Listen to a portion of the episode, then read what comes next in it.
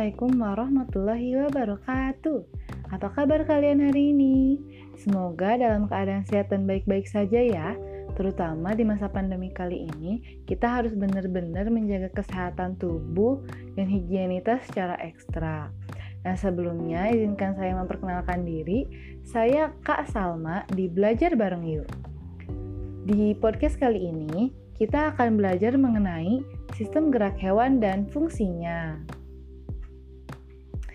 Jadi, suatu makhluk itu dikatakan hidup, salah satunya karena ia dapat bergerak atau dapat berpindah dari satu tempat ke tempat yang lain.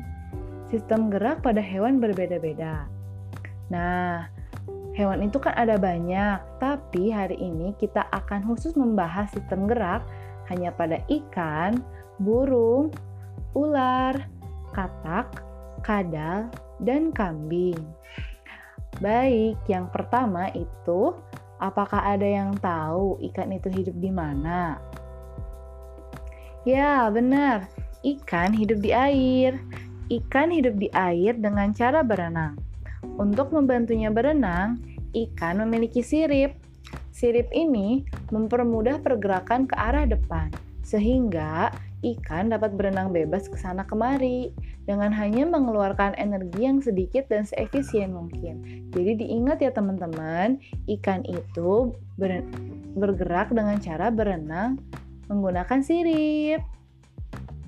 Baik, yang kedua, apakah ada yang tahu bagaimana burung itu bergerak? Ya, benar. Burung bergerak dengan cara terbang. Ia memiliki sayap yang dapat membantunya terbang bebas di udara. Sayap tersebut berbentuk melengkung, sehingga udara yang mengalir pada bagian atas sayap lebih cepat daripada bagian bawahnya, dan burung dapat terbang bebas di udara. Diingat lagi ya, teman-teman, burung bergerak dengan cara terbang menggunakan sayap.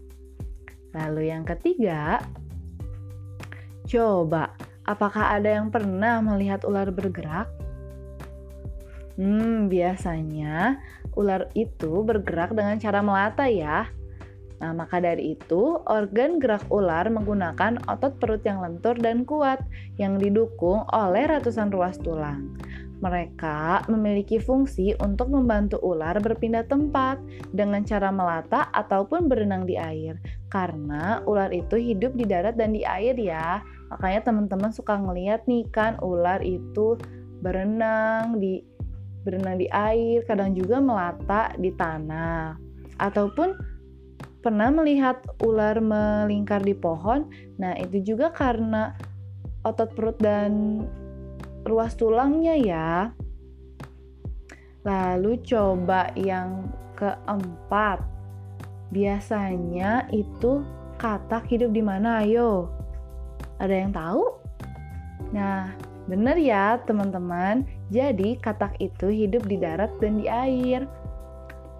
Katak Kaki katak dan tangan katak itu dilengkapi selaput di antara jari-jarinya yang berguna untuk membantu katak berenang di air.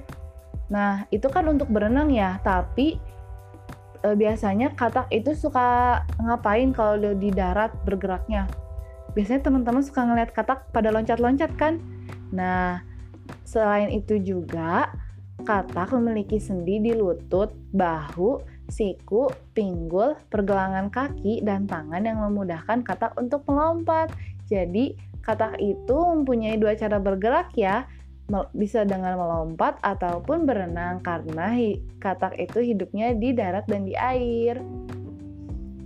Lalu, yang kelima, kadal itu hidup di dua alam, yaitu di darat dan di air. Untuk membantu kadal berjalan di darat dan berenang di air, ia memiliki empat kaki yang lentur.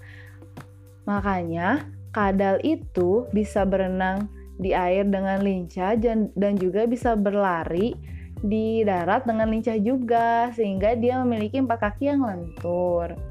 Nah, lalu nih yang terakhir, ada apa ayo tadi yang belum disebutin? Coba. Ada kambing. Nah, kambing ini Biasanya teman-teman suka lihatnya hidup di mana? Di darat kah? Di air kah? Ya bener di air ya teman-teman Kambing itu hidupnya Biasanya kambing itu bergerak dengan cara berjalan Atau berlari untuk mencari makan ataupun menghindar dari musuhnya Nah, kambing ini bergerak menggunakan empat kaki Empat kaki ini juga memiliki tulang yang kokoh dan kuat, gunanya untuk menopang tubuhnya. Kebayangkan teman-teman kalau misalnya kambing gak punya tulang yang kokoh, dia akan kesusahan untuk berlari ataupun berjalan mencari makan ataupun menghindar dari musuhnya. Jadi makanya kambing itu mempunyai tubuh uh, dan tulang yang kuat. Selain kambing juga ada sapi contohnya yang punya tulang yang kuat, rusa juga punya tulang yang kuat, kucing juga punya, anjing juga punya tulang yang kuat. Nah, jadi begitu ya teman-teman, sistem gerak hewan itu ditentukan oleh bagaimana cara hewan sendiri itu hidup.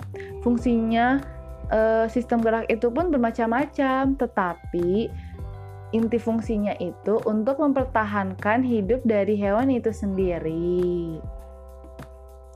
Nah, sekian podcast belajar bareng yuk hari ini teman-teman. Terima kasih ya sudah mendengarkan. Jangan lupa di-share ke teman-teman kalian yang lain jika dirasa podcast ini bermanfaat. Sampai jumpa di belajar bareng yuk episode selanjutnya. Saya Kak Salma, salam pendidikan.